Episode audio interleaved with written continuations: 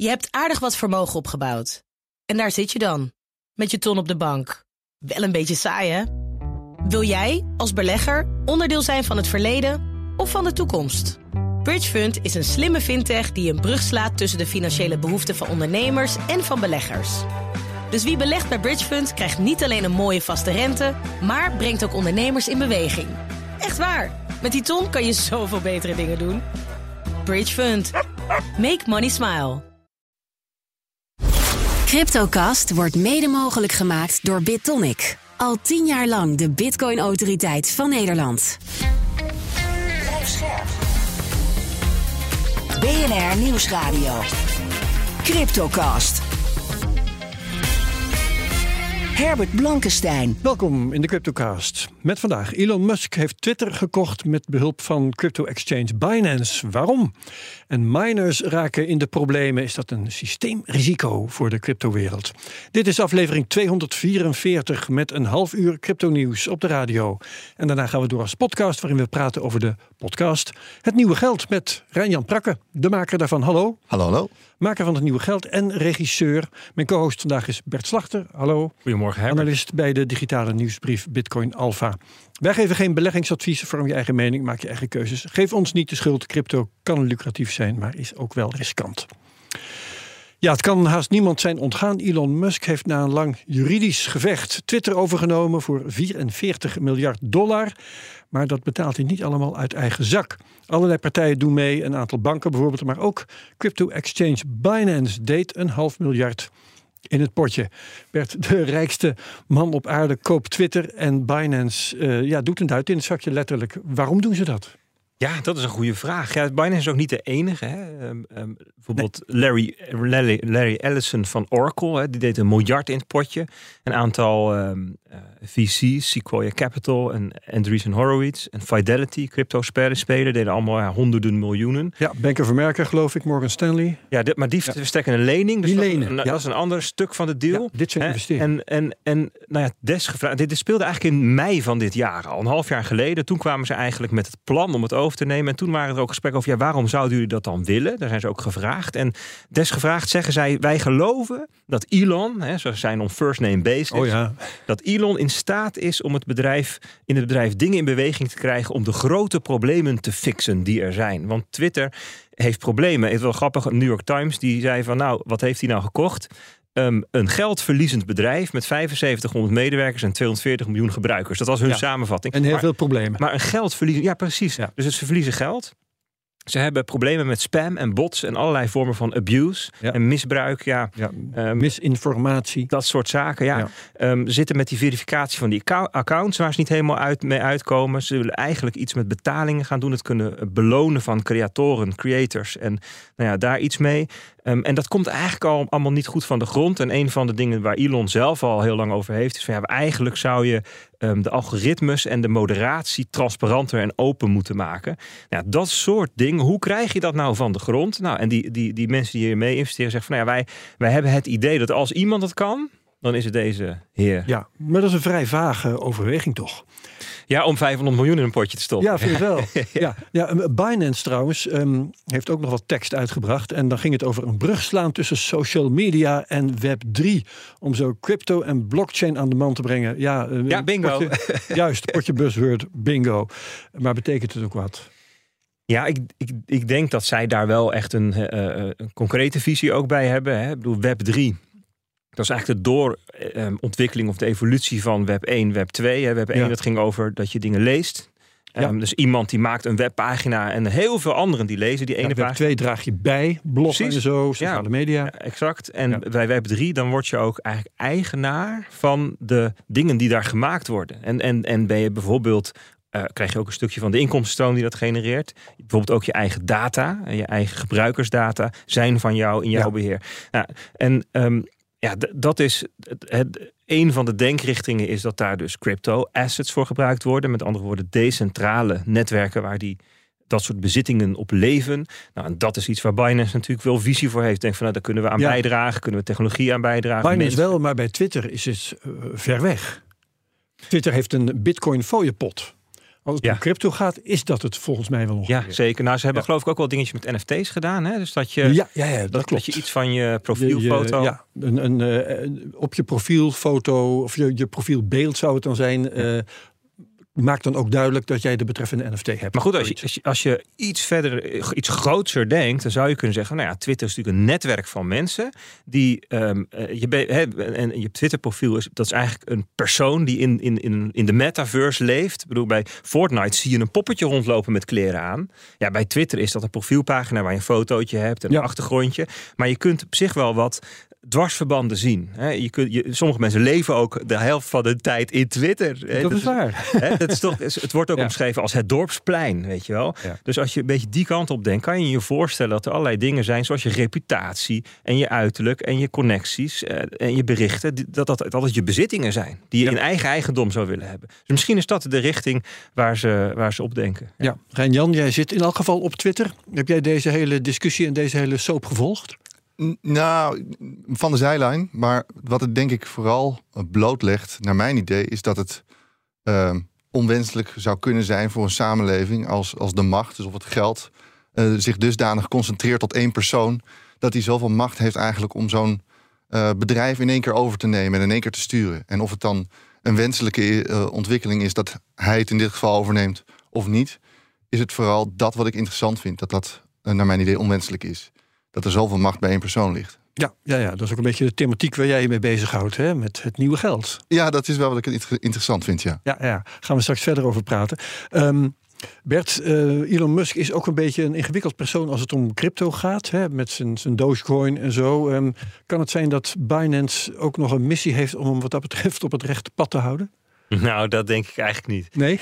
Nee, kijk, wat dat betreft denk ik dat Binance er ook wel redelijk opportunistisch in zit. Weten we, het is allemaal, ze zijn allemaal aan het speculeren hier natuurlijk. Hè, want Ja. ehm, ze zullen de komende weken en maanden nog wel met concretere plannen komen. Kijk, wat, je nu, wat er nu ehm, aan, aan, aan data of nieuws naar ons toe komt, is dat, dat ze een soort ehm, war room hebben ingericht. Hè. En, en Elon die heeft allerlei mensen uit zijn netwerk die hem in het verleden goed hebben kunnen helpen op bepaalde gebieden. Mensen vanuit Tesla, vanuit SpaceX, eh, eh, van UX-designers tot juristen. En die heeft hij allemaal om zich heen verzameld om te kijken, oké, wat kunnen we nou, eh, wat, wat is nou realistisch om te gaan doen? Hoe kunnen we dat aanpakken? Welke mensen moeten blijven? Welke zijn eigenlijk onderdeel van het probleem? En dat is die hele stormachtige fase waar het nu in zit en lekt af en toe wat uit. En Ja. dus het, is, het is nu nog heel erg speculeren.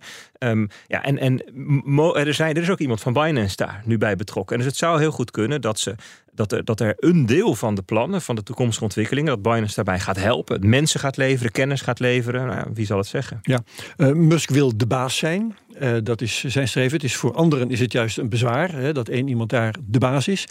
Ehm, is hij dat nog wel met al die partijen die meedoen?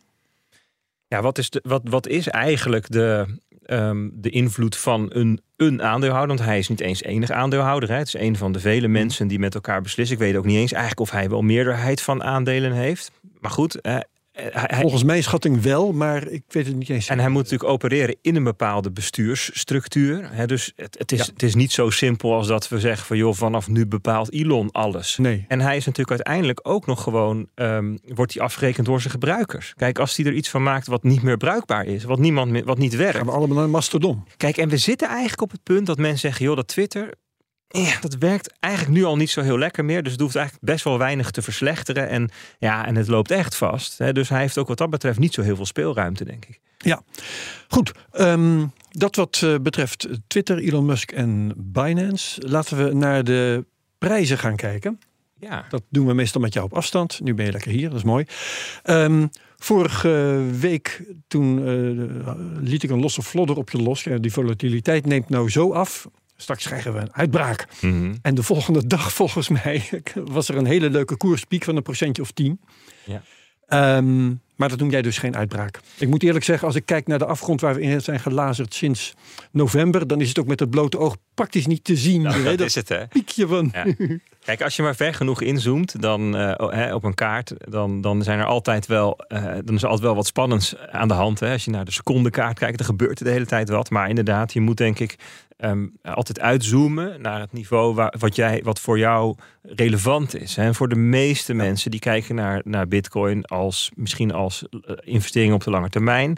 of naar de technologie uh, die, die, die in de komende tien jaar misschien volwassen wordt, weet je wel. En op die tijdstermijn ja, is zo'n bewegingje van 10 procent um, um, ten opzichte van de 70% die het natuurlijk uh, kwijt Ja. is geraakt, heel erg klein. En het is ook al eh, half weer teruggezakt. Hè? Ja, dus het is, het, het is wat dat betreft, um, de volatiliteit is nog steeds heel laag. Hè. Dit is uiteindelijk gewoon wel een beweging die past in die lage Oh, volatiliteit. want dat was, mijn volgende vraag. Ja. Dit was, wa- was dit nu weer een toename van de volatiliteit? Ja, heel beperkt. Ja. Heel beperkt eigenlijk. Je zou eigenlijk kunnen zeggen, als je op het voor de meeste mensen relevante tijdsbereik, het domein ernaar kijkt, dan, ja, dan zitten we nu tussen de 17.500 en de 25.000 dollar. Nog steeds. Wat is dat we- tijdsbereik? Wat is dat meest relevante tijdsbereik wat je benoemt? Eh, eh, maanden, kwartalen, weet je dat. Mhm. Hè, dus, dus ik ben niet geïnteresseerd in wat er de- vandaag of morgen of deze week gebeurt. Eigenlijk, dat is ruis. Het signaal is hoe ontwikkelt het zich van kwartaal op kwartaal. Beetje die, beetje die. En dat is dan, dan, waar, je dan naar kijkt, hè, is ehm, waar zitten we in de cyclus? Want die, cycli, die cycli,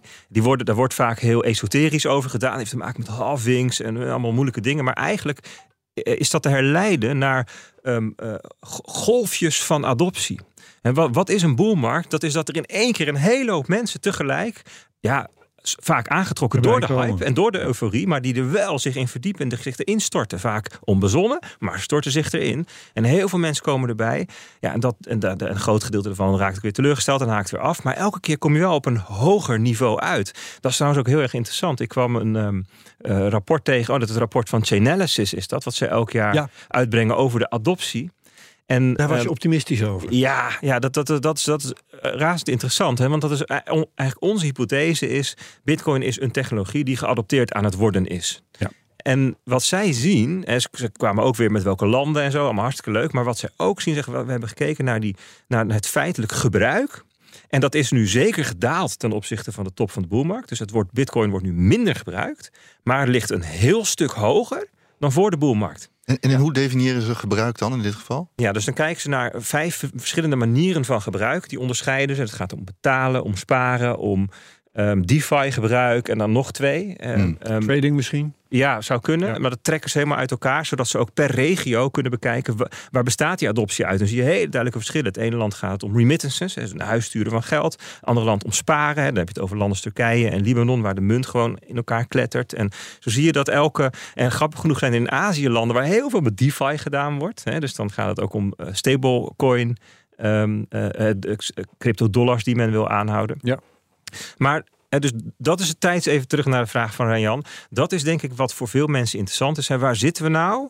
Eh, eh, dus Het is leuk om een kaart te hebben, maar je moet ook altijd weten waar, waar ben ik op die kaart? Hè? Waar zitten we nou grofweg in die cyclus van boel- en bearmarkten? En die boel- en bearmarkten die representeren eigenlijk de schoksgewijze adoptie van een technologie. Dat zie je ook bij andere technologieën. Hè? Dan ineens dan wordt het een stuk beter en dan zijn er een hele hoop mensen die zeggen: Oh, nu ga ik het ook gebruiken. En wat ze bij Chainalysis eh zeggen, dat is dus ehm, die adoptie van Bitcoin is nu wat minder dan op de top van de boelmarkt, maar meer dan daarvoor. Ja, veel meer. Ja, ja. Ehm, dat zegt dus eigenlijk dat het huidige koersniveau gerechtvaardigd is, want daar geldt namelijk precies hetzelfde voor. Klopt. En dat, dat- zeker, ja. Dat is denk ik de terechte conclusie. En dat is niet alleen de conclusie die bijvoorbeeld Chainalysis trekt, maar er zijn allerlei ehm, anali- analisten die eh, onder andere met de wet, de wet van Metcalfe, hè, die, een, eh, die zegt iets over de eh, verhouding tussen de omvang van een netwerk en de waarde van dat netwerk. Wordt gebruikt voor tele- telecomnetwerken, social media, Tesla, maar ook voor Bitcoin en Ethereum bijvoorbeeld. En die zeggen ook van ja, de huidige ehm, omvang van het netwerk. En die omvang die kan je dus meten aan aantal deelnemers, maar ook het gebruik. Ja, dat, dat stemt wel redelijk overeen met de huidige koers. En dat zie je vaak in bearmarkten, dat je dan terugvalt naar dat grofweg dat niveau. Oké, prachtig. Ehm, volgende week dan hebben we het weer over de prijzen van Dam. Eh, meer details trouwens in de digitale nieuwsbrief of Bitcoin, op bitcoinalpha.nl. Daar eh, draag jij aan bij. Ehm, Bitcoin miners eh, hebben het allemaal moeilijker. Eh, de koers is laag, de energie is duur. Ehm, de rekenkracht op het netwerk stijgt wel gewoon door. Dat is interessant, maar in ieder geval maakt het het bestaan van een individuele miner moeilijk. Want dan moet je harder rekenen. Ehm, ja, eh, het beursgenoteerde Core Scientific is een voorbeeld van een miningbedrijf dat staat op omvallen. Argo Blockchain zit in de problemen. Ehm, is dat nou eh, eh, het mogelijk falen van miners? Is dat voor de Bitcoin-wereld een systeemrisico? Want het mining zorgt voor de beveiliging. Klopt.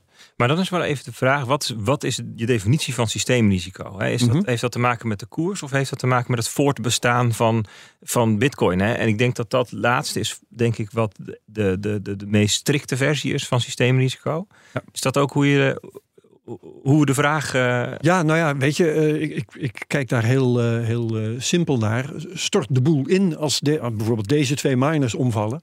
ja. Hè, Qua de- veiligheid bedoel je dan? Ja, Ja, dus, dus voor, is, het, is het voortbestaan, hè, de, de, de, zeg maar, de integriteit van, het, van de administratie, is die in het geding? ja, kan dan een of andere rijke stinkert door voldoende capaciteit bij Amazon in te huren opeens een Ja. eh, 51% aanval doen en Exact. transacties terugdraaien. Exact. Nee, nee, dat is niet aan de orde. Nee, zeker niet. Hè, want het heel aardige is, kijk, wat er, wat er aan het gebeuren is, is inderdaad dat de rekenkracht in het netwerk, de hash rate, die is aan het groeien en ook snel. En Wat dat te gek is, want dat zegt eigenlijk ook weer... het is aantrekkelijk voor partijen om eh, mee te gaan doen met dat mining. Ja, maar dan moet je eigenlijk even één stapje terug doen en kijken naar hoe, dat, hoe miningbedrijven werken. Want die hebben namelijk, om te gaan minen, heb je best wel wat eh, nodig. Je hebt een plek nodig eh, waar een gebouw staat, waar racks staan en koeling aanwezig is. en Voldoende energie te elektriciteit. krijgen is. waar je Ja. energiecontracten hebt en je hebt miningapparatuur nodig. En voor al deze dingen geldt dat je die in ieder geval op schaal niet in een week of een maand regelt. Hè. Dus bijvoorbeeld die, die, die, die, die ASICs, hè, dus die apparaten die nu geleverd worden, die, hebben, die zijn ehm, in het gunstige geval zes, zeven, acht maanden geleden besteld, misschien wel anderhalf jaar geleden. Dus dit zijn allemaal, dit is eigenlijk allemaal het gevolg van wat er lang geleden aan investeringen is gedaan. Ja, en, en, en dan kom je op het punt, dan komt het aan, het spul, en dan zet je het ook aan. En dat is wat er nu allemaal online komt. Het is allemaal apparatuur die, die al lang geleden, hè, plannen die lang geleden gemaakt zijn, die nu Oké, uitgevoerd er worden. zit vertraging in. Er zit veel vertraging in. Ook productieproblemen hebben we gehad, natuurlijk chiptekorten, eh, Zeker, logistiek. Dat speelt hier natuurlijk allemaal ook een rol. Ja. En ehm, ja, wat je dan ziet is dat, ehm, wat heel belangrijk is om te realiseren, is dat er honderden miners zijn wereldwijd. Eh, honderden significante miners. De grootste miners geloof ik een procent of vier van het netwerk. En dat loopt al heel snel af. En, de- en ehm, die, die miners verschillen heel erg van elkaar. Ze verschillen in, de, eh, in wat voor apparatuur ze hebben, wat voor energie ze verbruiken, wat voor plek ze staan, wat, voor, wat, wat ze kunnen. Sommige miners die verkopen hun warmte. En sommige miners Ja. krijgen gra- bijna gratis stroom of gratis stroom. Hè. Er zitten bijvoorbeeld miners op vuilnisbelt in Amerika. Die betalen, eh, geloof eh, onder 1 cent per kilowattuur. Omdat ze namelijk die methaan afvangen. En ja, die, die gasten van die vuilnisbelt zijn al lang blij dat dat gebeurt. Want dat is een wet waar ze binnenkort aan moeten voldoen. Dus het, het verschilt ongelooflijk, die, die miners. Je kunt niet over de miners zeggen dat ze nu Nee. collectief in de problemen zijn. Er zijn een, sommige miners die hebben het echt heel zwaar. Die staan op het punt van failliet gaan. En er zijn miners die, gaan fluiten naar hun werk. En dat is het aardige. Wat er dus nu gaat gebeuren is dat er zullen miners failliet gaan. Die gaan offline, die stoppen. En daardoor daalt de hash rate. En daardoor wordt het voor het overgebleven gedeelte aantrekkelijker om te blijven minen. Ja. En dat zorgt ervoor, dit mechanisme, dat er geen systeemrisico is. Dat de veiligheid en de integriteit niet in het geding is. En als dan morgen in de krant staat, of eh, nou ja, op de nieuwsites, dat ehm, Core Scientific inderdaad failliet gaat, gaat dan de koers een klap krijgen? Nou, dat zou wel kunnen. En dat is een ander soort risico. Want in Ja. totaal hebben miners bij elkaar, Glassnode die zegt 78.000 bitcoin in kas. 34.000, dat weten we wel, staat bij beursgenoteerde miners. Die moeten daarover rapporteren namelijk. En we weten van, van sommige miners dat ze best nog wel wat hebben. Als ze failliet gaan, zouden ze dat kunnen dumpen. Nou, Core Scientific heeft dat al gedaan. Met name bij de Celsius en de Luna Crash hebben ze veel moeten verkopen. Ja. En zij hebben nog, roffel roffel, 24 bitcoins in kas. Dus, dus die zullen, de, die zullen het niet, zo, niet zoveel pijn Het doen. eet had nog duizenden bitcoins, las ik. eh, Ja, dus als die morgen plotseling echt in probleem blijken te zijn, kunnen ze gewoon wat verkopen. dan gaan ze wat verkopen. Hè, Dus dat zou kunnen. Ehm, nou, we hebben het over. En dat is dan trouwens ehm, misschien een prijsdrukkend effect door aanbod.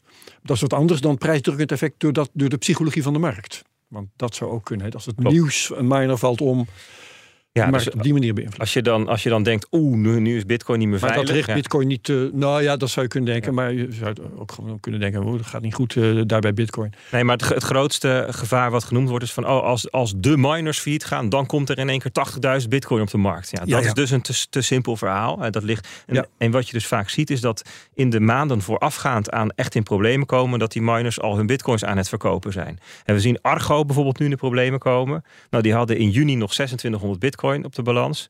2400, 2000, 1300, 1100 en in september nog 500. Die zijn nou aan het verkopen, ze komen nu in de problemen, maar die gaan dus niet 2600 bitcoin moeten dumpen. Dat hebben ze namelijk al langzaam moeten verkopen. Dus dat, zeg maar de angst dat, dat er in één keer op de markt bitcoin gestort wordt hierdoor, die is denk ik onterecht. Wat wel zou kunnen is als de prijs keldert door iets externs, dat er ineens heel veel miners tegelijk in de problemen komen. Ja, ja. Dus er, er, hun bitcoins worden dan ook exact minder waard. Um, nog even kort. Um, nee, ik sla deze vraag over, want we moeten met, even met Jan gaan praten over de uh, podcast die je hebt gemaakt, Het Nieuwe Geld, tweede seizoen. Yes. Je bent daar om hier in onze uh, podcast daarover te praten. Uh, waarom wilde jij een tweede seizoen maken? De eerste seizoen ging eigenlijk over, over bitcoin en alles wat jij nodig had aan financiële kennis om dat te gaan begrijpen. Ja, eigenlijk ging het eerste seizoen ging vooral over ons monetaire stelsel. En ik heb bitcoin gebruikt eigenlijk als soort lens om naar ons eigen monetaire stelsel te kijken.